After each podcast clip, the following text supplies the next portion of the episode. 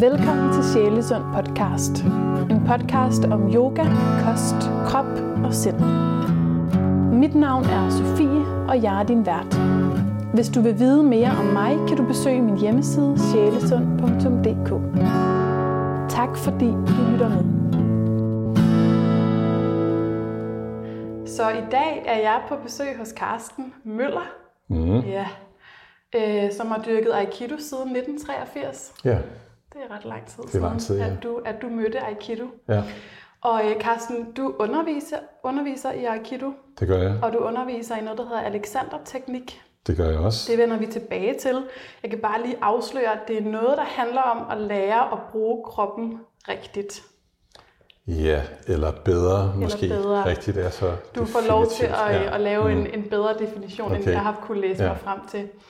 Øhm, jeg kan starte med at fortælle jer, at øh, Aikido det er en japansk kampkunstform. Og Carsten, du må bare stoppe mig, hvis jeg siger noget, der er totalt brøvl. Skal nok. Øhm, og i min research på Aikido, mm. øh, blandt andet i den her bog, som du lånte mig, Carsten, som hedder All of Aikido, der har jeg kunnet læse mig frem til, at det traditionelt blev brugt af samuraier i det feudale Japan, Mm.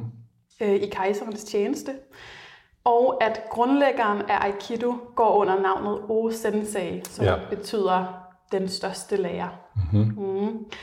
Og noget af det mest interessante, som jeg stødte på i min research om Aikido, det var, at øh, modsat mange andre typer af kampkunst, f.eks. karate, hvor det handler meget om at måske dræbe modstanderen, eller i hvert fald bekæmpe modstanderen, øhm, så er Aikido en langt mere fredelig, øh, ikke voldelig filosofi, bygger mm-hmm. i hvert fald Ja. på det. Øhm, Aikido beskrives også som vejen til en harmonisering af energi og sjæl, og det fortæller jo mig, at der er langt mere i Aikido end bare det fysiske. Øhm, at det også er en spirituel praksis, mm-hmm. meget i stil med yoga. Ja. Så Karsten, vil du ikke starte med at fortælle lytterne lidt om dig selv, øh, hvem du er og din historie med Aikido? Jo, det vil jeg godt. Øhm, det var sådan lidt øh, tilfældigt, jeg stødte ind i Aikido øh, i mine unge dage, tilbage i starten af 80'erne, som vi snakker om. Der øh, blev jeg anbefalet af en kostvejleder. Mm-hmm. Det var dengang, der fandt det, der hed makrobiotik. Det er jo gået til meget mode. Jeg ved i hvert fald ikke, hvad det er. Nej, det kan bare se. Ja. ja. Det var meget stort i 80'erne Okay. øh, og 70'erne. Øh, han anbefalede mig at prøve Aikido, og jeg vidste ikke rigtig, hvad Aikido var. Øh, så var jeg så øh, i Holland øh, og arbejdede øh, på en makrobiologisk gård, og der stødte jeg så på Aikido der. Og i første omgang var det sådan lidt sådan, øh, kan man sige, mekanisk, øh, sådan selvforsvarsagtig oplevelse. Men øh, så en dag, så kom der en, øh, en lærer og underviste, og han underviste noget, der kaldes øh, Ki-Aikido. Jeg skal nok fortælle lidt mere om. Mm. Og det var sådan en mystisk oplevelse, fordi at øh, jeg forstod noget sådan kropsligt, men forstod ikke rigtig sådan, hvad det var, der egentlig foregik sådan med begreber. Det var noget med at føle sig mere centreret og, og sådan nogle ting der. I hvert Det var fald, nogle øvelser, du fik. altså hvis du forestiller dig, at man, man sådan, når man træner Aikido, øh, laver en kampkunst, så, så træner man jo på en måtte, og så tager man fat i hinanden, og så er der sådan nogle teknikker, hvor man så frigør sig, eller man laver sådan et kast, hvor, hvor den, som angriber, sådan falder og ruller rundt og kommer op igen osv. osv. Men ham her, han havde sådan en anden dimension på det, så kan sige, sådan bag alt det der sådan tekniske, var der sådan en, en, en øh, forståelse og en, en kvalitet, som i første omgang virkede meget mystisk for mig, øh, som samtidig var dragende. Og det var det her ki-aspekt, øh, som, som ligger i navnet ki og aikido. Mm. Øh, Så det er ikke det der ki, C-H-I, nej, som normalt vil være noget med energi.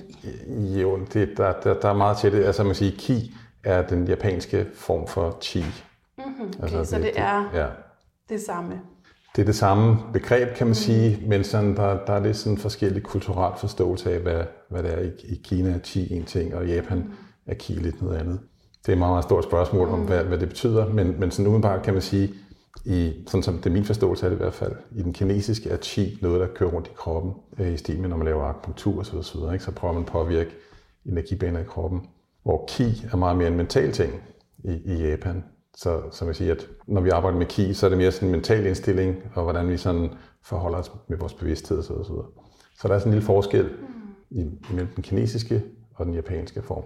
Efter min forståelse, det kan være, at jeg tager fejl. Men det, der ligesom var, var sagen med, med, med mit møde med den her Aikido-lærer, var, at, at øh, jeg kunne se, at der var noget her, øh, som jeg gerne ville lære. Og jeg forstod ikke hvad det var.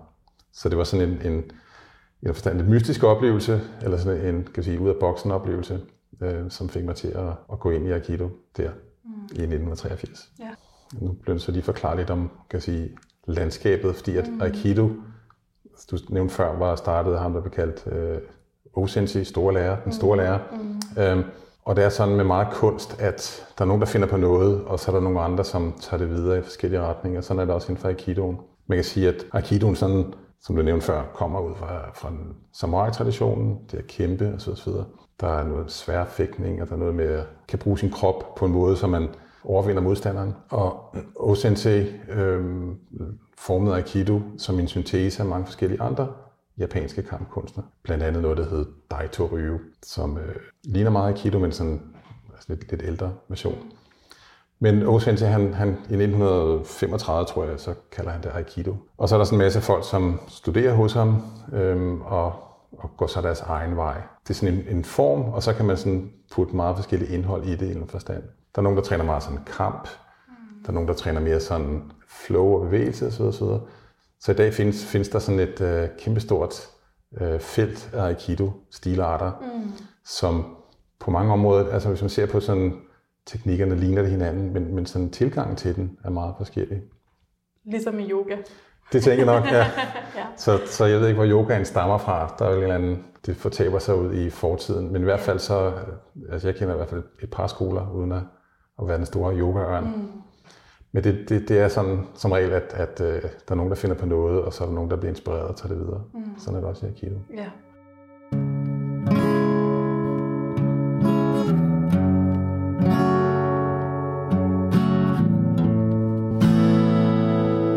Og så tænker jeg, at i den her sammenhæng, det interessante er, at, øh, det, som, det, som så kaldes Ki øh, øh, blev skabt af en, der hed Koichi Tohei. Og Koichi Tohei, han øh, trænede med Osensei der sådan i, i lige op til krigen og lige efter krigen. Men han havde andre kilder, så at sige, øh, til, øh, som, som øh, inspirerede ham. Blandt andet noget, der hedder misogi, som er sådan meget øh, klassisk japansk mærkelig praksis, hvor man øh, øh, kan sige, meget fysisk udsætter sig selv for noget hårdt ved noget åndedræt osv. osv. Men i hvert fald sådan, sådan noget, hvor man, man, man, man øh, går i sådan en, en, en lukket rutine i tre dage og udsætter sig selv for meget fysisk hård praksis, mm-hmm. for på den måde sådan at komme ud over nogle grænser. Og så, øh, måske lidt mere interessant, øh, var han øh, elev af en, der hed øh, Tempo Nakamura, som var en øh, japaner, som bragte yogaen til Japan. Og Tempo Nakamura var sådan en, øh, en meget rig familie. Han blev syg, fik, jeg tror det var tuberkulose eller et eller andet, og han prøvede så at finde midler for det i Japan. Der var ikke nogen, der kunne hjælpe ham. Så tog han til Vesten, prøvede vestlig medicin, det tror jeg starten af 1900. Det hjalp ham heller ikke rigtigt. Øhm, og så, det er en længere, længere historie, gjort meget kort, så tager han tilbage til Japan og siger, okay, så må jeg så leve de sidste år, jeg har på bedst mulig måde. Så siger historien så, at han møder en, øh, en yogi på en færge, som så siger, du skal tage med mig til Indien. Og så tager han sig med den her yogi til Indien og studerer med ham i nogle år. Og bliver så selvfølgelig, som det er en god historie, rask, øh, rask og helt prægt. Men under omstændigheder, så tager han sig tilbage til Japan og begynder at undervise i den her form for yoga, som han har lært af den her mester. Og det, det er sådan selvfølgelig noget fysisk, noget nogle øvelser osv., osv., men det er meget sådan indstillingen til tingene. Det er sådan meget sådan, som vi snakker om det, det er noget spirituelt. Det er sådan at være positiv og arbejde med indstillingen til, til tilværelsen. Men en, en af de ting, som han, han øh, tager med fra yogaen, at sind og krop er et. Og det er selvfølgelig øh, det er sådan en klassisk øh, antagelse, vi, vi kender til, men i hvert fald sådan lidt mere sådan defineret. Og Tohei Sensei, som træner Aikido, bliver så elev af den her øh, japanske yoga lærer og tager de her idéer om, at sind og krop er et med sig ind i Aikidoen. Og det gør så, at øh, han på en eller anden måde sådan får skabt en, en, en eller anden form for, hvad skal vi kalde det, en øh, teori omkring, hvad de her sådan ofte lidt mere mystiske ting er i Aikido. Øh, fordi at øh, den klassiske japanske måde er, man træner hos læreren, og så kan man ikke finde ud af noget, så spørger man øh, sensei, hvad skal jeg gøre her? Så kigger sensei på en og siger, du skal træne noget mere. Og så træner man i 10, 20, 30 år, og så kommer man til indsigt. Men det to har gjort, det var, at han, han, han på en måde sådan kunne definere ud fra nogle principper og nogle tilgang, hvad er det her mystiske, hvad er det for en kraft, man får fat i, når man arbejder med de her ting her. Og det tænker jeg oplever, det er meget, kom fra den der yoga, øh, han har haft, som på en måde sådan kunne i talsæt, hvad er det at være centreret, hvad er det at være øh, mere positiv osv. I hvert fald kommer Tohei som en model, hvor han sådan i talsætter de her kvaliteter og, og laver en, en metode, hvor han kan undervise folk i det. Så det skiller sig meget fra sådan meget andet klassisk japanske aikido, hvor man mere sådan træner. Man snakker ikke så meget om, hvad det er, men man kopierer læreren, øver sig igen og igen, og så igennem erfaringen opnår man indsigt, hvilket er en, en rigtig fin måde. Men Tohei, han bragte sådan den dimension med, sådan, en, hvorfor er det sådan, og du kan måske arbejde med nogle ting mere bevidst ved at jagtage nogle, nogle fænomener og nogle, bruge nogle modeller til at forstå, hvad det siger at være centreret osv. Ja, og det er så meget den, øh, den version af Aikido, som du også underviser. Det er, det, er det, ja. ja. Det kaldes så uh, Ki Aikido. Det hedder egentlig sådan Shinshin Toitsu Aikido, hvilket betyder Aikido med sind og krop forenet. Så hvis man sådan går ind i en Aikido-klub øh, og kigger, så øh, kan sige, sammenligner, så ligner det ligner meget hinanden på mange måder, og så alligevel er der store forskelle. Tilgangen er forskellig. Tilgangen er forskellig. Ja. ja. Og vi skal prøve noget af den her Aikido senere i dag, det skal så vi. Det, det ja. glæder jeg mig meget til.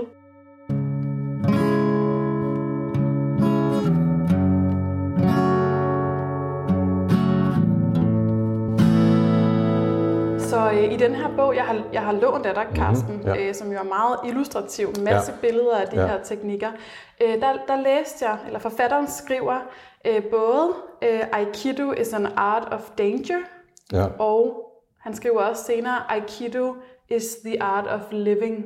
Ja. Jeg ved ikke, om du på nogen måde lige kan huske, at han skriver de her ting, men kan du sige lidt om, hvad han mener? Ja, altså det er, det er jo, man kan sige, øhm, vi lever i en verden med udfordringer, så, så det er ligesom, hvordan kan vi leve i en verden med udfordringer? Det er ligesom det, der ligesom er, er, er spørgsmålet. Og i Aikido-træningen kan man, kan man sådan få erfaring med øh, nogle ressourcer, som gør, at man måske er bedre rustet til at håndtere nogle, nogle af livets udfordringer. Så på den ene side kan man sige, hvordan håndterer man konflikt, danger, og hvordan håndterer man fred, the art of living. Så det er sådan kan man sige, en dobbelthed, så, så kan vi løsningen på at håndtere konflikt, øh, de kvaliteter, man bruger det, er det samme, som man bruger til at skabe mening og sammenhæng i livet. Så derfor kan man sige, i, i forskel til nogle andre kampkunst, hvor man sådan løsningen er et angreb, så er, er, er løsningen her, hvordan, hvordan ændrer man tingene, så det bliver mere sammenhæng og øh, mere harmoni. Øh, så, og det, det kan man sige, det er jo sådan en filosofi, en filosofisk tilgang til tingene. Ja, fordi filosofien bag Aikido er nemlig øh, meget ikke-voldelig øh, og, og fredelig. Øh, ja. Og jeg læste også, at man i Aikido skal forsøge at smelte sin egen energi sammen med sin modstanders angreb. Ja. Kan du sige lidt om det? Ja. Og hvordan det kan ske? Det lyder meget fint, men hvad betyder det? Ja. Og det er det, vi skal prøve lidt senere, hvor ja. du kan mærke, hvordan, hvad, hvad man gør. Men det, man siger, det, er, det, er, det er sådan, kan sige, på et niveau er det noget mekanisk, hvordan man bruger kroppen hensigtsmæssigt øh, i sin egen, når man bevæger sig rundt osv., og når man så har en eller anden form for kontakt med den anden person. Og så er det så øh, en mental ting, hvordan, hvad er indstillingen? Så man kan sige, at man kan ligesom mentalt se sig selv som isoleret, og øh, den, der angriber, som værende udenfor, som bryder ind. Eller man kan på en måde sådan med sin, sin opmærksomhed inkludere den anden i sit felt. Og så bliver det sådan mere sådan, at vi er sammen på et andet niveau så bliver handlingerne på en anden måde. Så, så det er sådan en træning i, hvordan man sådan, kan, sige, kan øh, lade sin opmærksomhed fagne mere, og derved skabe harmoni øh, i, i sin opfattelse og i sin ageren. Og, og det, det bliver lidt flyv selvfølgelig, men, men det er tydeligt at mærke, når man laver øh, Aikido-teknikkerne, om man på en måde sådan er inde i sig selv og prøver at finde vej ud ved at, at kæmpe, eller man på en måde sådan byder modstanden velkommen og gør noget med den. Så man kan sige, at man, i stedet for at man prøver at nedbryde det, så prøver man at skabe det, skabe noget andet med det, eller forvandle det til noget mere sådan konstruktivt og, og harmonisk. Mm, og det er jo så i Aikido rent teknisk noget, man gør med sine modstandere. Men det er vel så noget, man øh, går jeg ud fra, øver sig på med sine modstandere, så man også kan gå ud og leve det i sin egen hverdag og sin virkelighed, øh, fagne modstand, man har i sit liv. Ja, altså, og der, der tænker jeg, at altså, det er jo, hvordan gør man det? Altså, hvis der var sådan en gylden vej til det, så kunne man jo forandre verden. Øh, men, men jeg tænker, det, det er meget sådan med at have nogle erfaringer. Altså, jeg, ser kilotræning som et øh, middel til at opleve ressourcer. Så jo flere ressourcer man har, jo bedre er man rustet til at, at, at møde modgang. Men det, som er godt ved Aikidoen, og som jeg tænker også er godt ved yogaen, det er jo, at det kommer gennem kroppen. Så det er en erfaret ting. Man oplever det gennem kroppen, mm. at det faktisk er muligt at være et ressourcefuldt sted, i stedet for at man bliver overbevist af en teori eller en, en tro, trosystem osv. Ikke fordi, at, at det er på nogen måde dårligere, men det, at man mærker det gennem kroppen, har en anden betydning, end hvis man bare tænker det, så at sige. Mm. Så, så Aikido-træning er ligesom at, at hele tiden opleve små kan sige, konfliktsituationer, opleve, at man kan løse den kropsligt ved nærvær osv. Sådan så man efterhånden øh, tilegner sig sådan en, kan sige, en førstehåndsoplevelse af, hvad det siger at være ressourcefuld. Ja. Så ligesom den vej kan man så tage det med ud i verden, så at sige.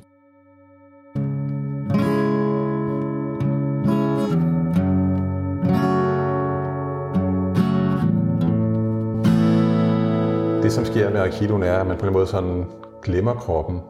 Og det er sådan lidt pudsigt, fordi at øh, har måske været fokus på kropsfæsthed og mærke kroppen osv. Så hvorfor skal man så glemme kroppen? Mm. Og der kan man sige, sådan, i forhold til sådan flow-oplevelsen, som er et, et meget, øh, at man sådan bliver absorberet i en form for handling, ja. og derved ligesom overskrider oplevelsen af sin egen krop, som man er adskilt, og man sådan træder ind i en større mening. Og det er jo ligesom det, øh, Aikido går ud på. Kan man overskride kroppen? Kan man overskride sin, sin, sit skin, så at sige, og opleve sig som en, en, en sammenhæng med, med omverdenen? Så der er sådan en form for, eller et element af sådan øh, kropsforglemmelse, men samtidig kan du sige, er det nemlig også en kropslig oplevelse at være i verden. Så det er sådan lidt tricky, kan man sige. Mm. Så, så der er ikke sådan super meget fokus på sådan små strækker, hvad gør man her og der, så videre. Det er mere sådan, at man, man, man oplever mere sådan en, en helhed. Kroppen opleves som en helhed, og adskillelsen mellem det indre og det ydre overskrides, så at sige, og bliver til, til et. Så, så man ligesom i Aikido-øvelserne, det her menneske, øh, som øh, agerer modstander, kommer til en, så handler man på en måde, så man inkluderer den andens bevægelse, som smelter sammen, som vi snakker om før, til sin egen, og så udfører man en, en lille dans eller en lille teknik, jeg skal kalde det, og så øh, ophører den dynamik. Så det er sådan, man, man, man kan sige, man, man øh, inkluderer det der udenfor. Og så tænker jeg på, hvordan man ligesom opfatter sindet, eller opfatter tanker og følelser ja. i Aikido. Ja, ja altså, det er jo et stort spørgsmål. Øhm, og, og min forståelse af det er, altså man kan sige, at det bliver selvfølgelig meget filosofisk, øh, og der kan man rode sig ud på dyb vand, men, men min forståelse er sådan, at, at det japanske shin og shin, krop og sind, det er to forskellige tegn. Det, som vi kalder sind, øh, den, den, det shin, der er sind, sidder her, altså i hjertet faktisk. Så, så det i den japanske version spørgsmål om, at hjerte og krop i en forstand øh, øh, forenes. Og ikke det fysiske hjerte, men mere sådan på en måde sådan ens bevidste kerne og kroppen, mm-hmm. hvor tanker og følelser er ligesom noget andet. Mm. Man kan så sige, at i den japanske kultur, der er følelser ikke noget, man sådan går og skilter med. Og det præger Aikidoen øh, også. Det, det, det præger Aikido, fordi at, at, altså det handler ikke om at vise følelser, så at sige. Det handler om at være bevidst til stede med sit, sin kerne og sin krop, og så interagere øh, i de her former, vi træner. Der er også meditation i Aikido. Vi mediterer. Øhm, og der er det, det er noget med, kan man rumme tankerne? Kan man, kan man rumme det, der sker? Så man kan sige, at, at følelser er energi i kroppen. Kan man være med det? Er der plads til det? Øh, I stedet for, at man går imod det, mm. eller går med det, så at sige. Så på den måde kan man sige, at det er sådan, øh, den der øh, tradition, der kommer fra Zen, har haft en finger med i spillet her. Ja. Så man, man, man har et element, der hedder tanker og følelser i sin Aikido. Ja, altså, jeg tror, altså, måske sagt på den måde, at vi har nogle overbevisninger. Ja. Altså, vi, vi, har, vi ser verden ud for nogle overbevisninger. Øh, og det siger, at de øh, indtryk, øh, som vi får, tolker vi ud fra en eller anden forståelse af verden. Og det er jo her, træningen foregår, fordi at oftest, når man mærker modstand, så reagerer man ved at øh, spænde op i kroppen. Øh, som er, det kan både være en, kan sige, en refleks, men oftest en, en overbevisning om, at åh, nu sker der noget, ikke? Så det er det inde på før. Ved at arbejde med nogle kropslige erfaringer, kan man som forandre nogle af de her dybe overbevisninger mm. øh, igennem og sige, gud, man kan også gøre sådan her. Ikke? Så, så det er ikke sådan tanker og følelser sådan, på den måde, vi snakker om. Det er mere sådan, hvordan er det, vi forstår verden? Hvad er det for nogle overbevisninger, som, som ligger til grund for at opleve og fortolke det, vi ser? Det er det, man kan arbejde med igennem praksis. Det tænker jeg, det er det samme med yogaen. Ikke? Altså, at, at når man oplever noget, der går ud over kassen, så at sige, man, man er i, så, så må man ændre noget. Gud, jamen verden er egentlig større, eller jeg kan se, indtil nu havde jeg troet, det var sådan der, det er faktisk noget andet. Mm. Så det er meget på den måde, at øh, udviklingen sker.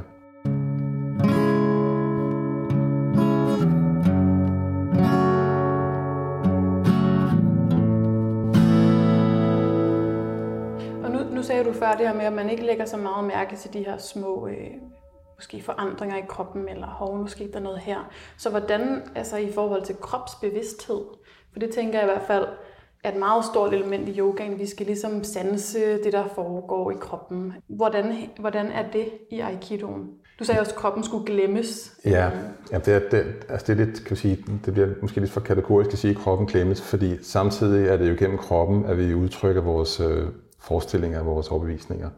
Så den måde, vi bruger kroppen på, og den måde, vi er i kroppen, er, er jo et udtryk for vores øh, måde at opfatte verden. Der er ingen tvivl om, at der sker nogle store skift. Jeg har selv haft en masse oplevelser, hvor pludselig har jeg indset øh, et eller andet, der lå ud over det, jeg kendte, opnået en anden op, opfattelse af nogle ting. Og det, der har været et meget, meget stærkt kropselement i det. Altså sådan, man kan sige, måske har jeg oplevet kroppen som have en bestemt form, og så pludselig opdagede, gud, det er jo bare noget, jeg har gjort den til.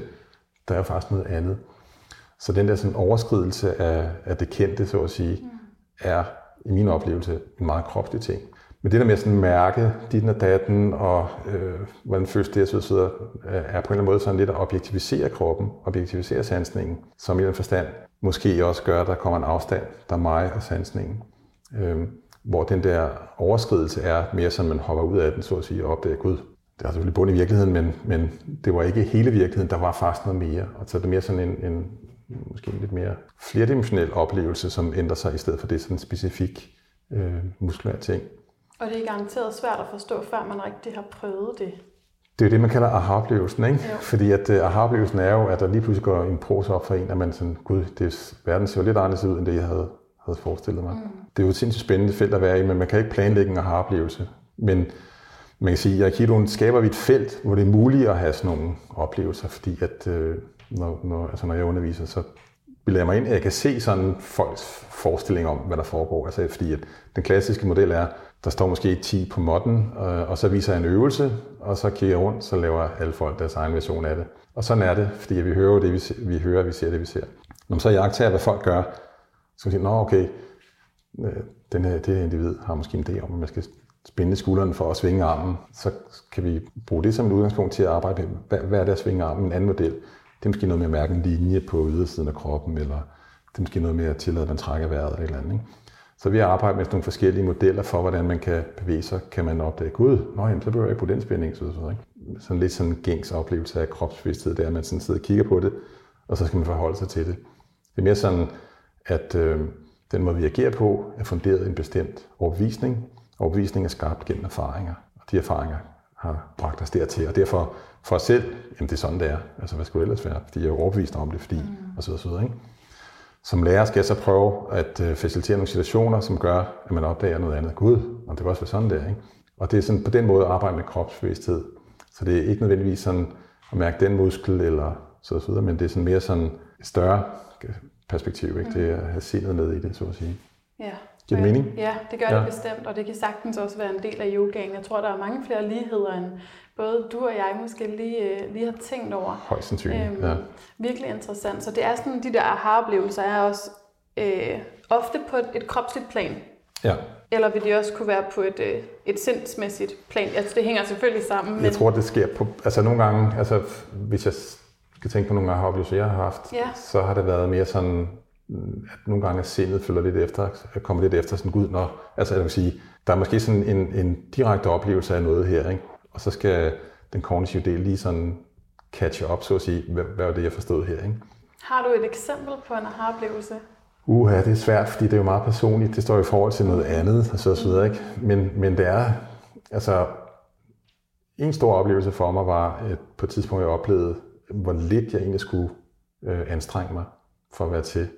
Sådan et kort øjeblik. Øh, det var med min, min lærer, så at sige. Vi, vi lavede noget, og så pludselig ser jeg, gud, jeg behøver ikke at anstrenge mig. Altså, der var sådan en følelse af, at det kunne se, jeg faktisk altid havde øh, haft en oplevelse af, at jeg skulle kæmpe lidt for, for et eller andet. Ikke?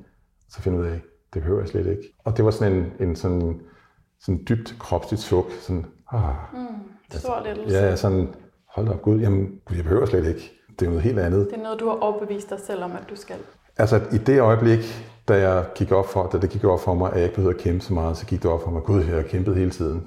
Så indtil at jeg fik aha-oplevelsen, var jeg ikke klar over, at jeg gik rundt og kæmpede enormt meget med et eller andet. Ikke? Øh, og det er jo det, der er så fantastisk. Og så pludselig ser man, gud, det er noget helt andet. Og så skal den kognitive del lige sådan følge med. Men det var meget sådan, det var kropsligt, sansligt, bevidst, perciperet, hvad vi ellers skal putte på af begreber, men ikke sådan, kan vi sige, kognitivt, øh, sprogligt, øh, lineært på den måde der. Nu sagde du noget med perception. Ja. Øhm, og der er jo et begreb, der hedder total perception Ja, i Aikido. mm. Kan du sige lidt om det? det, det var de ting, som jeg tænkte, at vi skulle prøve at lege ja, lidt med. okay. Men det kan være, det nu, I skal det. Ja.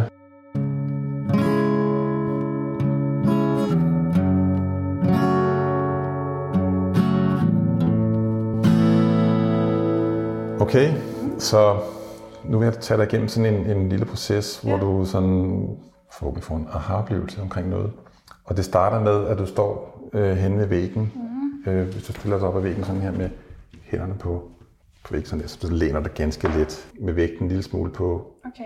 ikke sådan tungt, men bare sådan, du støtter dig. kan Måske med strakt arm. ja. Sådan der, ikke? Prøv nu. Nu står du med hænderne på væggen. Skal jeg lukke øjnene? Nej, du eller? godt åbne. Okay. Så, så kan jeg spørge meget klogt, hvor væggen henne? Og siger selvfølgelig, jamen den er her. Så spørger jeg, hvordan ved du det?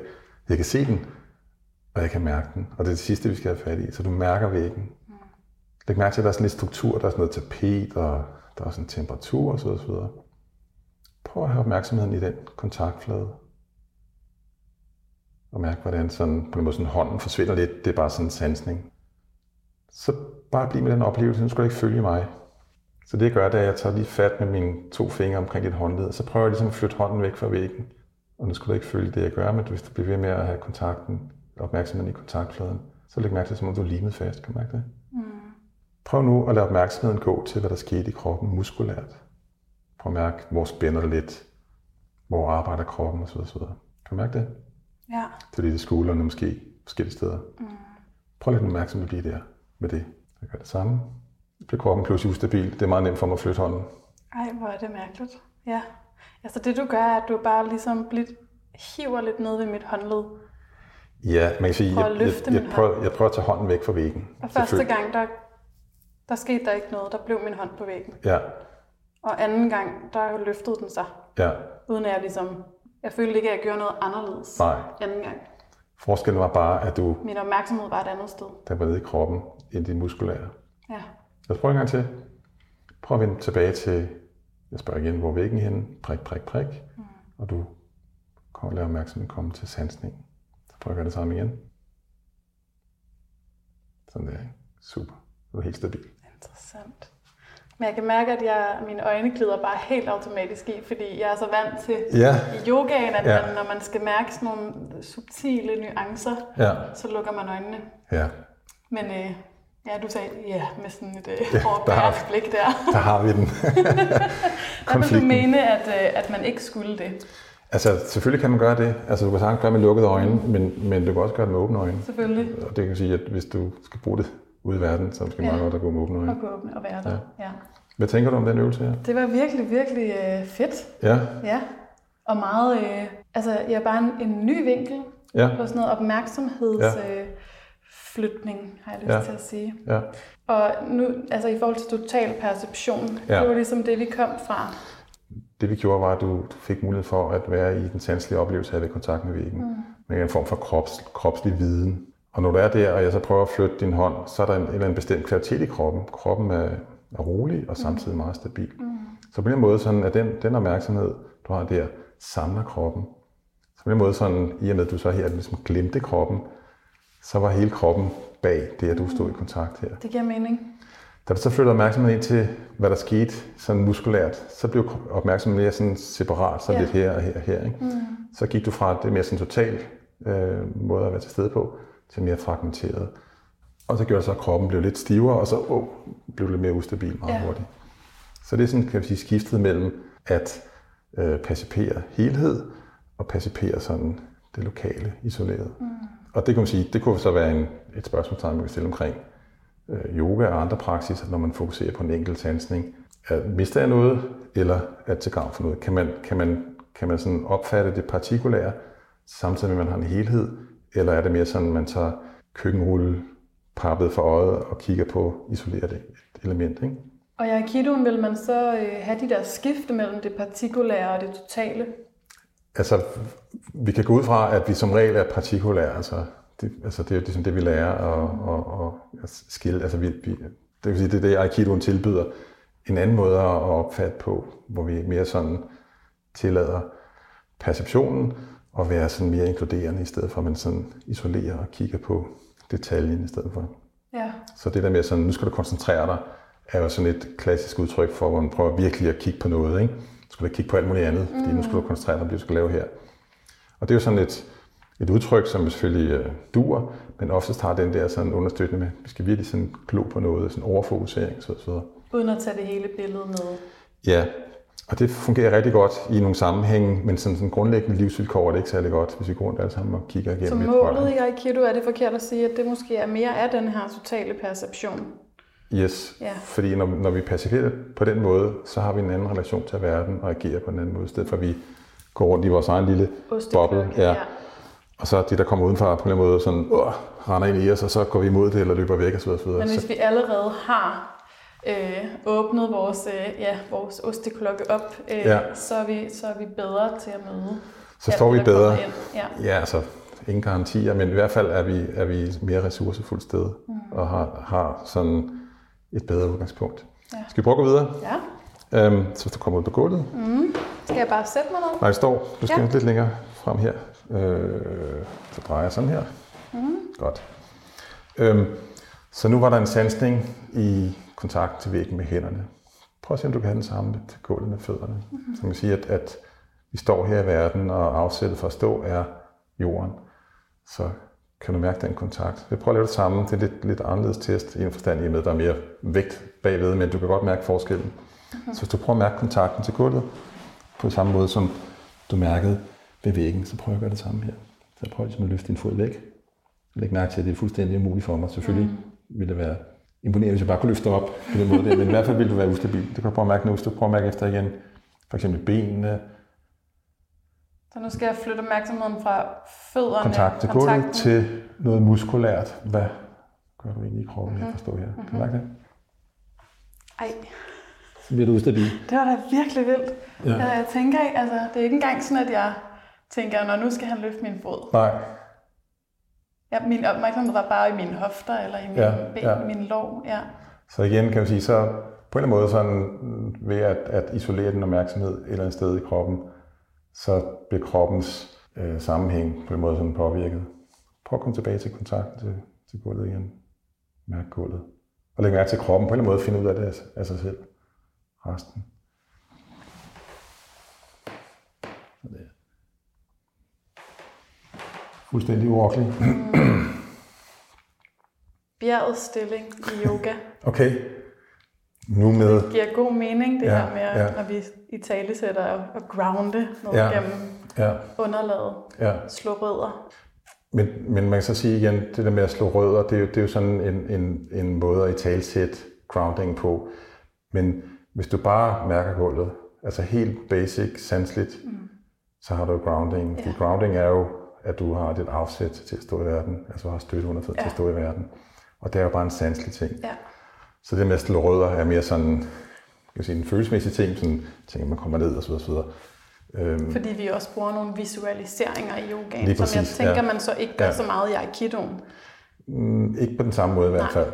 Det her er lidt mere nøgternt i en forstand, i og med at du bare, bare men du, at du mærker gulvet. Det er meget simpelt jo. Det er jeg, gør, jeg gør jo altså ikke andet, end Nej. jeg flytter min opmærksomhed rundt. Ja. Mm. Skal vi gå videre? Mm. Så nu har du relation til gulvet, mm. og man siger, at, at det at stå i verden er at, have, er at have noget under fødderne, så man kan rejse sig op. Det næste er så, så kigger vi ud i verden jo. Og det er så, øh, hvis du prøver at høre sådan her som mig, mm. så står med fødderne ganske lidt adspredte, sådan skulder. Og så strækker du armen ud sådan der. Begge, begge arme? Ja. Så begge mine arme er strakt ud til siden? Ja, som om du prøver at røre væggene. Og røre væggene, ja. Og så læg mærke til, du har en fornemmelse af væggen her den ene side her, og den anden side, og du kan have sådan et bredt visuelt felt. Så nu står du sådan og kigger frem, og jeg står lidt til venstre for, for dig. Du kan stadig se mig herude i periferien, mm. ikke? Så du har sådan et bredt visuelt felt, så du ser det hele. Plus du har væggen. Som jeg rører. Ja, sådan har en fornemmelse af det, ja. så at sige. Ikke? Så bare bliv med den, den sansning og den, den bevidsthed. Det er der, jeg lægger mærke til, at du så faktisk er ret stabil her. Jeg kan hive ja, i armen ja, så stille. Ikke? Ja, nogenlunde. Ja. Så prøv en gang at zoome ind på noget i kroppen igen, eller miste væggen eller et eller andet, så du ligesom får den lidt mere sådan fragmenteret opmærksomhed. Så prøv igen at trække din håndled. Det mærke til, at du, er meget, mm. du vælter med det samme her, ikke? Ja. ja. Okay, prøv en sidste gang. Mm-hmm. Så proceduren, så du tager armen ned, og så kigger du til den ene side, rør væggen. Løfter armen, gør det samme til den modsatte ja. side. Så hvis jeg skal være virkelig sådan krakils, så skal mm. du ikke løfte armene, men du skal række ud med hånden. Prøv, prøv hvis du nu står ved siden af dig, så prøv en gang som at røre min skulder med din højre hånd. Bare som prik mig på skulderen. Så prøv også at blive i kontakten. Rør min skulder. Prøv at lægge mærke til armens form her. Den er mere blød. Den har sådan en mm. lille kurve i det. Så selv, hvor den anden var mere sådan uh, udstrakt. Ja, ikke? Ja. Ah. Så som have den, kan sige. Mm.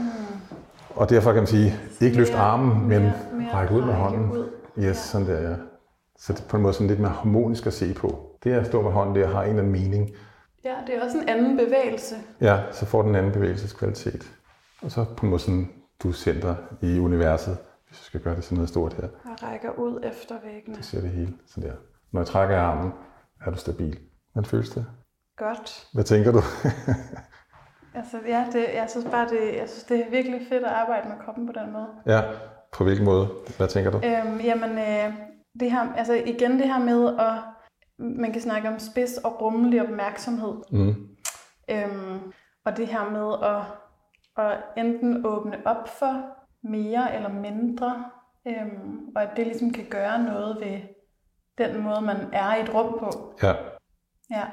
Og den aha-oplevelse. Ja, det synes jeg. Super, ja. Det synes jeg, det var. Ja.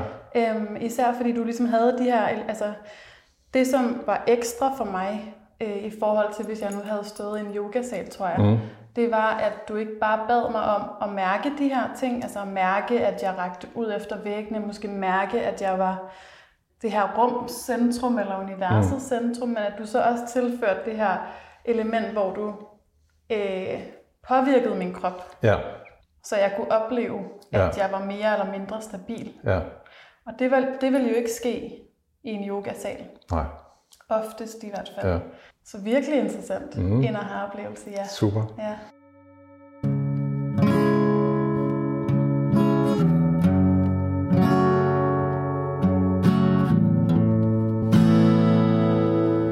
Skal vi prøve at tage den der med åbne eller lukkede øjne? Ja, det synes ja, udfordring. Så nu har du sådan lavet en lille procedure her, hvor du mm. mærker gulvet, og så rækker du ud med hænderne og får sådan en, med åbne ja. øjne, som har en fornemmelse af, at du kan røre væggene. Mm. Det kan du selvfølgelig ikke, men bare sådan en følelse af opmærksomhed derude. Prøv ja. til. Ja, så du har sådan, kan sige, en eller anden relation. Der er en eller anden form for mening. Det er ligesom det, der er forskellen her. Ikke? Og så den anden side også. Og så ser du bare sådan frit. Du ser på et eller andet punkt, eller du kan flytte øjnene rundt, men ja, du sørger for at se det hele. Jeg tænkte nemlig, at jeg skulle stige på et punkt, men jeg skal ligesom... Med det må fri, godt være lidt... Med fri blikket, ja. ja. Det er mere sådan, altså man kan sige, lad, lad, lad der komme mange indtryk til hjernen, som kan bearbejde som en helhed Træk vejret, blive ved med at være i bevægelse, så at sige. Yes. Og så prøver du som før, så lader du hænderne gå ned, stadig bevare den der relation til rummet, som du har nu her med din opmærksomhed. Og så gør jeg det som før, når du hænderne kommer ned, så prøv lige at verificere ved at trykke dig på skulderen, så kan jeg mærke, at du står stadig ret stabilt her. Så kommer udfordringen nu, du lukker op, på at lukke øjnene. Så bliver det pludselig mørkt. Og så efter et halvt minut, så begynder du sådan, hvor er du henne, ikke? Så, så prøv bare at blive det, og så nu kan du høre, at jeg står og snakker her udenfor. Prøv at lade din opmærksomhed også være udenfor, selvom du har lukket øjnene. Det er jo klart, at øjet giver muligheden for virkelig at percipere langt omkring os. Med lukkede øjne er det mest hørelsen og den umiddelbare sansning omkring huden osv., osv., som giver sådan en fornemmelse af rummet omkring os. Prøv ligesom bare at opfatte så meget som muligt af rummet omkring dig. Og så kommer jeg tilbage til skulderen her, så kan du mærke, her, så nu, nu har jeg min hånd på din, nogle fingre på din skulder. Og man kan sige, den sansning, du har her, markerer kroppens grænse. Prøv at lægge mærke til, at du faktisk godt kan fornemme noget på den anden side af mine fingre. Det kan godt være, det er uklart, og det er svært at sige, hvad det er, men der er sådan et eller andet på den anden side. Læg mærke til, at du har det, og når jeg trykker, så er du ret stabil. Ja, ikke? Så selv lukkede øjne. Mm. Prøv nu så at blive inde, inde i kroppen, så at sige, så kontakten her markerer grænsen, men bliv der inde i kroppen. På en måde sådan, der findes ikke noget udenforagtigt. Når jeg skubber, så er du helt ustabil. Kan du det? Ja, det er mærkeligt. Så man kan sige, det man kan drage den her lille øvelse, det er, at selv med lukkede øjne kan du stadigvæk percipere rum omkring dig. Og der er det oftest, øh, min erfaring er, når vi lukker øjnene, det er fordi, vi, det er lidt overvældende, når der sker. Så vi lukker øjnene, så prøver jeg ligesom at nedsætte indtaget af, af, af input for at overskue det, ikke? indtryk. Men det har lidt den tendens, at man sådan lukker sig ind i sådan en lille kapsel og siger, når man åbner øjnene igen, hvad sker der her? Ikke? Så her med lukkede øjne kan du percipere omkring dig. Så nu lukker jeg øjnene, så jeg har selvfølgelig sådan et uh, visuelt aftryk af, hvor du stod før, og rummet osv. osv. Men det fader jo om lidt. Men stadig kan jeg en fornemmelse af, at der er noget omkring mig. Så jeg kan både mærke ind i kroppen og udenfor på samme tid.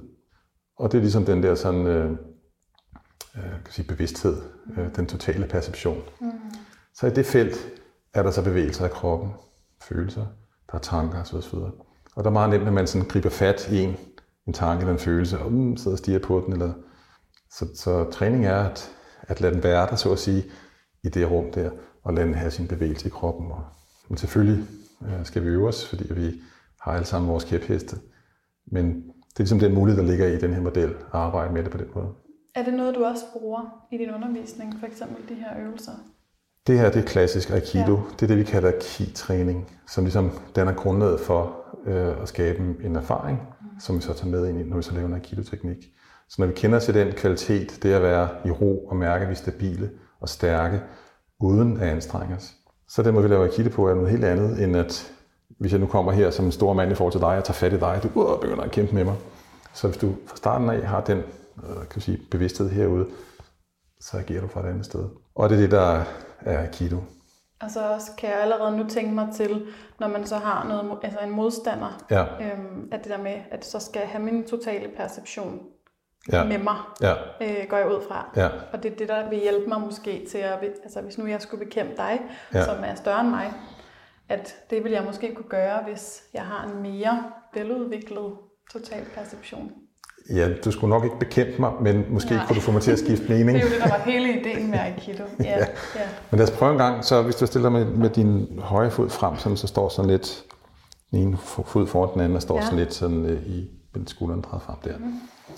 Så øh, hvis du rækker hånden frem sådan her, så hvis jeg vil tage fat i din hånd og skubbe den sådan her, tage fat om håndled, og så skubber jeg ligesom ind med din skulder, så kan jeg sådan rimelig nemt flytte dig. ja. Øh, så man kan sige, nu er jeg væsentligt større end dig, og så videre, så videre. Men, men der er også sådan, historien er også, som jeg sagde, jeg tager fat i dig og skubber dig. Det vil sige, at, at det der sker, det er, at du så kommer til at reagere. Men hvis vi prøver at ændre narrativet, så du tager hånden frem igen. Nu tager jeg fat om dit håndled her. Så man kan sige, hvem holder hvem her? De fleste mennesker vil nok sige, at det er mig, der holder fast i dig, fordi at man kan se, at min hånd sådan, sådan folder sig rundt om dit håndled. Men hvis du tager udgangspunkt i din sansning og mærker, at det er faktisk dig, der rører mig, mm-hmm. Så prøver jeg en fornemmelse af, at det er faktisk dig, der er aktiv her. Kan du mærke det? Mm. Så prøver jeg at skubbe. Læg mærke til, så er du mere stabil. Mm. Prøv nu at skifte til, at du tænker, nu er, det, nu er det mig, der står og holder dig. Så nu skifter det din, din historie. Der er en, der står og holder mit håndled. Mm. Og du er meget, meget nem at flytte fra mig. ja. Så lad os prøve at tage den skridt videre. Mm. Nu kommer jeg så i bevægelse og tager fa- fat i dit håndled og skubber dig. Så hvis det første narrativ er, jeg kommer tager fat i dig og skubber, mm. lad os prøve det. Så flytter jeg dig Ja. ganske nemt. Så prøv nu, at når jeg kommer hen for at tage fat i dig, så ved du, det er dig, der tager fat i mig i virkeligheden. Sådan der. Læg mærke til, så er det et andet sted. Mm. Så nu, nu kan jeg mærke, at du er ret stabil her. Ja. Jeg kan mærke dit gulv videre. Mm. Ikke? Så det er starten på en Aikido-teknik. Mm. Så man kan sige, at du tager ledelse her, ikke? Ja. Du møder mig. Mm. Og derfra er der flere muligheder. Men som se, sådan i det første narrativ, så... Meget med energier. Ja, Ja. altså jeg vil kalde det bevidsthed, relation. Det er Ja. meget relationsarbejde. Mm. Og det er meget, at, øh, at, at du tager vare på dig selv, så at sige. Ja. Så at sige ikke? Altså, Præcis. og du er aktiv, agerer. Øh, og den måde, du agerer på, er jo bare at møde mig, i stedet for at du bekæmper mig. Ja. Fordi hvis vi gjorde det samme, og jeg tog fat i dig, og du stridede imod, mm. prøv at gøre det. Altså, hvor Så- jeg, sådan, øh, ja. hvor jeg ligesom tager min hånd væk. Ja, det var undvige. Du har også Ja. prøvet at slås lidt med mig. Ja. Sådan der, ikke? Så, ja, så jeg får lyst til at komme med den anden fod. Så på en måde sådan, så hvis, der er, hvis det er en konflikt, Ja. og du agerer på den måde, så eskalerer du den, og du faktisk inviterer til at blive ved. Ikke? Ja. Hvor det andet, prøv en gang til den anden, hvor du møder mig der, og så går det andet sted hen med energien. Sådan der. Så bliver det sådan en lille dans. Det bliver en lille dans, ja. Ja. Det er meget dansant, Over en lille cirkel. simpelthen, ja. Ja. Og læg mærke til, hvis du Jeg prøver... føler, jeg fører dig. Ja, men prøv at gang skubbe til mig. Du mærker, at jeg er faktisk ret stærk stadigvæk. Ja. Så det er sådan en pointe, at du gør mig ikke sværere, men du skaber bare en anden mm. historie, så at sige. Jeg får mulighed for at skifte min intention. ja. Altså meget, altså meget i tråd med dans i virkeligheden. Ja. Man skal mærke hinanden Ja. hele tiden. Ja. Ja. Men man kan sige, hvis vi prøver at gøre det en gang til, og det narrativ er, at det er dig, der tager kontakt. Jeg, kommer, jeg stiller mig lidt væk fra dig, og jeg kommer hen imod og prøver at skubbe din hånd.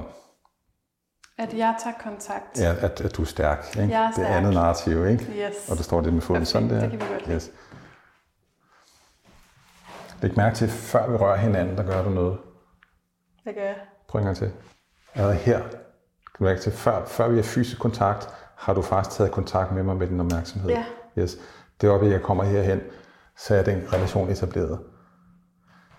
Så før der er fysisk kontakt, kan du handle. Og det er der, den totale perception kommer ind. Mm. Så når du har den, kan vi sige, relation til verden, så kan du agere før, i stedet for det først i sidste øjeblik, Ja, øh, man tager er, fat i dig. Ja. øh, så skal du gøre noget. Ikke? Det er alt for sent. Selvfølgelig, hvis jeg er en rigtig ond fætter, så prøver jeg selvfølgelig at overraske dig, så videre, og, og der er ikke nogen 100% garanti for, at noget virker for alting. Men ved at du sådan har den opmærksomhed, så kan du agere, før der er fysisk kontakt. Mm. Det synes jeg kommer her, kan du også bare gå væk i virkeligheden. Ikke? Ja. ja. Så, så, så, så vi behøver ikke have den fysiske kon- konflikt for at øh, gøre noget. Vi kan gøre det, før det bliver til fysisk konflikt. Så derfor kan man sige, at Aikido er ikke Aikido, hvis du skal kaste mig. Mm. Altså sige dagliglivet. Ikke? Så Aikido, du laver Aikido, når vi aldrig nogensinde kommer til at slås. Mm. Så det, det er ligesom filosofien i det. Ikke? Ja. Så hvordan kan du skabe harmoni? Og det der, hvordan kan vi bruge det i dagligdagen? Det er jo ligesom, kan vi sige, ud fra vores perception af relationer, hvordan kan vi skabe mere harmoni? Og det er noget, vi alle sammen kan arbejde med på det ene eller det andet område. Så ideen er ligesom at kende til den øh, bevidsthed som sin egen, og så tage den med ud i, i verden, så at sige. ja. Det handler netop om ikke at slås. ja. Mm. Smukt. Tak. Det Ja. var virkelig spændende. Super. Vi sætter os igen. Ja.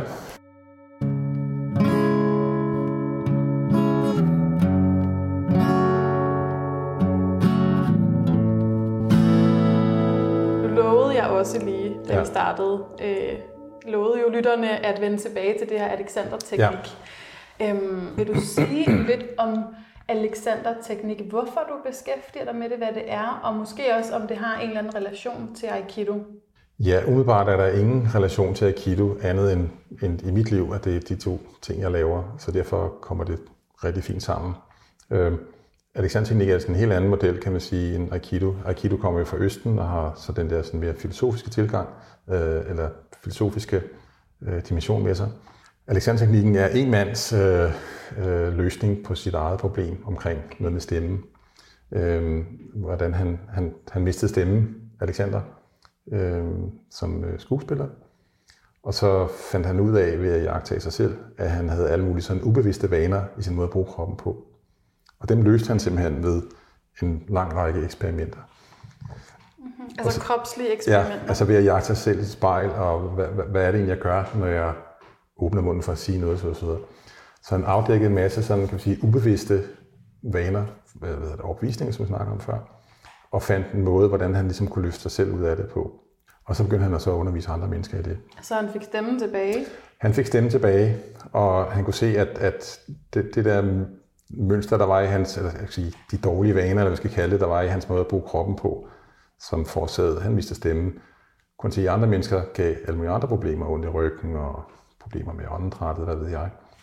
Så i hvert fald så øh, afdækkede han ligesom en eller anden form for grundlæggende øh, princip for, hvordan kroppen fungerer, øh, hvordan den fungerer hensigtsmæssigt.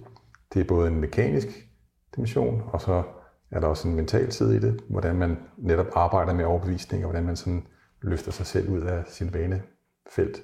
Men når folk kommer til mig med Alexander Klinik, så kommer de ofte, fordi de har et eller andet problem med i bevægeapparatet, som det hedder. Mm. Ondt i nakken, ondt i skuldrene osv. osv., osv. Og det vi så gør, det er, at vi arbejder med den måde, de bruger sig selv på, eller bevæger sig selv på. Øhm, og det, jeg kan se meget hurtigt, det er, øh, hvad for nogle overbevisninger, som ligger til grund. Og så ligesom vi gjorde med Aikidoen her, så kan jeg facilitere nogle andre erfaringer, øh, lede hen til en anden opmærksomhed, som så gør, at man kan sige, oplever et alternativ til det, man gør. Så udover at man måske øh, spænder mindre et sted, så har man også en forståelse for, gud, jeg kan, også, jeg kan gøre sådan, nu gjorde jeg før det med skulderen der, hvor du strakte armen ud, ja. eller rakte ud med hånden. Ja. Det er sådan en klassiker, ikke? Jo. Og det jeg kunne se, det var, at din idé var, at for at løfte armene, så skulle du løfte skuldrene op ja. samtidig. Da vi så legede lidt med den idé, at du sådan bare rakte ud og prøvede at røre med, med dine fingerspidser på min skulder, så var det en helt anden bevægelse. Mm. Det er sådan, kan sige, det felt, man kan arbejde med teknikken. Mm. Meget tit så kommer folk, som har været øh, igennem sundhedssystemet og fysioterapi osv., osv. stadig ondt i ryggen, stadig ondt i nakken. De ender på sådan en som mig, og så kan vi så prøve at redde det ud, sådan ud fra øh, spørgsmål, hvordan er det, du bruger dig selv? Kan du bruge dig selv på en mere hensigtsmæssig måde? Og det er selvfølgelig langt hen ad vejen mekanisk, men der er rigtig meget sådan øh, psyke med, i og med, at vi, kroppen er jo ikke bare krop, det er også, der er nogen hjemme, så at sige, der er nogen, der, de der krummede skuldre, er jo en tilstand, psykisk, mental tilstand også. Så det er sådan i to spor, både at arbejde med det mekaniske og arbejde med den psykiske og mentale forståelse af, af sig selv og kroppen. Mm. Giver det mening? Det giver rigtig god mening, og det er jo også, øh, jeg tænker også meget kropsholdning, nu er du inde ja. på, hvis man går og krummer meget sammen. Ja. Det har jo også noget at gøre med, hvordan en psykiske tilstand er, øh, hvordan man møder verden, ikke? som ja. egentlig også var inde på ja. lidt i starten. Ja. Nu siger du holdning. Det er det klassiske begreb for, når vi ser folk, der har en god holdning. Øh, så man kan sige, altså jeg vil sige, det handler ikke om holdning, Øh, og det er selvfølgelig sådan lidt, kan man diskutere frem og tilbage. Fordi at det at være oprejst, det er en refleks. Så kroppen er reflektorisk oprejst. Og det vil sige, at det at være oprejst, det er en, en, en dynamik, til kroppen står hele tiden og justerer sig selv lidt. Det vestibulære system sender en besked op, mm, lidt til højre, lidt til venstre, osv. Så det at være oprejst øh, sker sådan set, uden at vi blander os i det. Så man, siger, man laver en holdning, i og med at man, man vender sig til en bestemt måde at bruge kroppen på, som udtrykker en selv, eller sådan, som er i overensstemmelse med ens opfattelse. Mm. Så, så arbejdet handler mere om at opdage, hvad kan kroppen egentlig, når den får lov. Og så sjovt nok, så har man det med at blive lidt højere, bredere, mere åben, når den får lov. Men det er en levende dynamisk tilstand, i stedet for holdning, som er... Normalt, når man siger holdning til folk, så får, det, får man altid dårlig samvittighed, og så spiller man op i lænden og trækker skulderen tilbage. Det er meget sådan noget med at rette ryggen. Og, Præcis, ja. og det, det kan ikke være Alexander teknik. Kan ikke komme længere væk fra det end muligt, fordi at, at, øh, det er noget med, at kroppen er levende, kroppen øh, er i bevægelse osv., kan, kan, som, kan, kan sige, give lov til, at det kommer til udtryk. Mm. Og det, det er igen at arbejde med overvisninger, øh, igennem at få nogle aha-oplevelser, øh, opdage, gud, kan jeg gøre det her, det vidste jeg ikke, jeg kunne, eller er det armen, jeg troede armen startede her, altså sådan helt nede i at opfinde den, genopfinde den dybe tallerken i forhold til kroppen. Man kan sige, der er den, den, den mere sådan objektive anatomi, som vi kigger i en bog, og så er der den muskel og så videre, og den knogle og bindevæv og alt det der. Og så er der den subjektive, hvordan er det, det ser ud indenfra. Og min erfaring med, med min undervisningspraksis er, at der er meget, meget stor forskel på, hvad, hvad, hvad, hvordan vi oplever tingene indenfra, og hvordan det ser ud udefra. Mm. Det behøver ikke være helt ens forstået den måde, at nogle gange kan man føle sig enormt let, og nogle gange kan man føle sig enormt tung, og nogle gange føler man sig kæmpe stor, og så videre. Så den subjektive oplevelse af anatomien skal ikke være sådan rigid, fast. Men oftest er der sådan sådan nogle antagelser ind i den subjektive oplevelse af anatomien, som vi siger, det er faktisk en dårlig vane, fordi det går rundt og spænder helt vildt. Ikke? Ja. Så det er et spørgsmål om ligesom at gå lidt ind i det, hvordan, hvordan er det egentlig, jeg oplever kroppen øh, indenfra. Og så er vi tilbage til spørgsmålet, skal jeg så være opmærksom på en muskel? Skal jeg mærke mig selv indenfra, eller hvad? Og det er jo så lidt kontroversielt, fordi at selvfølgelig skal jeg mærke kroppen, men skal jeg mærke den som eksplicite muskler, eller skal jeg mærke den som sammenhænge? Skal der være mere rum? Skal jeg opleve kroppen som kvaliteter? Eller hvad? Og nogle gange i, i Alexanderundervisningen, så lægger man gud, hold op en masse muskler her på bagsiden, hvor de korte. Og det er klart, nyhedens interesse, så at sige, så efterhånden så fader det væk og bliver mere sådan en baggrund.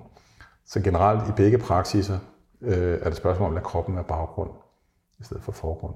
Men samtidig ud fra, at, at det hele sker i kroppen, så at sige. Ikke? Det, det handler vel om, at man bliver bevidst om sine kropslige baner?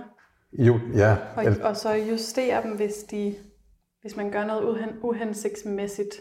Jo, øh, sagt på en anden måde, hvis jeg bruger eksemplet før, med din, da du løftede armen op. Mm. Du blev opmærksom på, at du kunne løfte hånden op på en måde, som føltes anderledes. Mm. Og den anden oplevelse, den er interessant. Så vil du mærke til, når hvis du gør det gamle, gud, nå, jeg kan godt mærke, der bruger jeg faktisk de her muskler her, til at på en måde referere til at spænde omkring skulderen for at løfte armen. Men når jeg så er ude i, i fingerspidserne, så er det som om, at armen falder væk som eksplicit muskel. Så på den måde opmærksom, man kan sige igen, at du er i handlingen, men du lægger mærke til, når du på en eller anden måde åh, ender ind i kroppen. Så krop, kropsbevidst på den måde, at du kan opleve glæden ved at række hånden ud. Den sanselige oplevelse af at være til stede på den måde. Ikke som, og nu skal jeg række hånden ud, skal jeg gøre sådan. Så det ikke bliver en, altså, oftest, når vi i vores tid her generelt snakker om kropsbevidsthed, så er det sådan en manual. Skal sådan her, så skal du mærke det der, så sådan, sådan, sådan. Ikke? Og det bliver meget hurtigt sådan defineret ud fra nogle øh, kategorier. Men kropsbevidstheden, eller det at være bevidst, er jo sådan uden gule sædler på, ikke? Øh, i hvert fald den der, det mere totale oplevelse. Og det er den, vi skal have fat i, øh, og så se, når vi på en måde begrænser os. Og det, vi begrænser os, kan være, at vi spænder en skulder. Det kan også godt være, fordi at jeg har måske sådan en, en, en spids tanke, som du kaldte det før, ikke? eller holder vejret lidt. Så det, at, at spænde skulderen, kan have rod i ikke bare en muskulær ting, men i, i, i et perspektiv, i en forståelse osv. osv., osv. Så hvordan kommer vi ind og får fat i den der aha-oplevelse? Det kan være med at arbejde med noget mekanisk, det kan være at arbejde med noget, hvordan forestiller du, du gør det her. Det kan være, prøv at mærke gulvet og løfte hånden. Altså et eller andet anden indgang ind til at gøre handling, så du mærker, gud, jeg kan løfte hånden, uden at jeg mærker min skulder. Så det er sådan lidt et stykke sæbe, man prøver at gribe fat i. Ikke? Jo. Øh, men når, når oplevelsen er der, så, så er den tydelig. Og så kan man se den gamle erfaring meget, nå gud, det var sådan, jeg gjorde før. Mm. Hold da op. Og, og det der, når jeg... Så man kan sige, det overbevisende er at erfare noget nyt, der giver mening.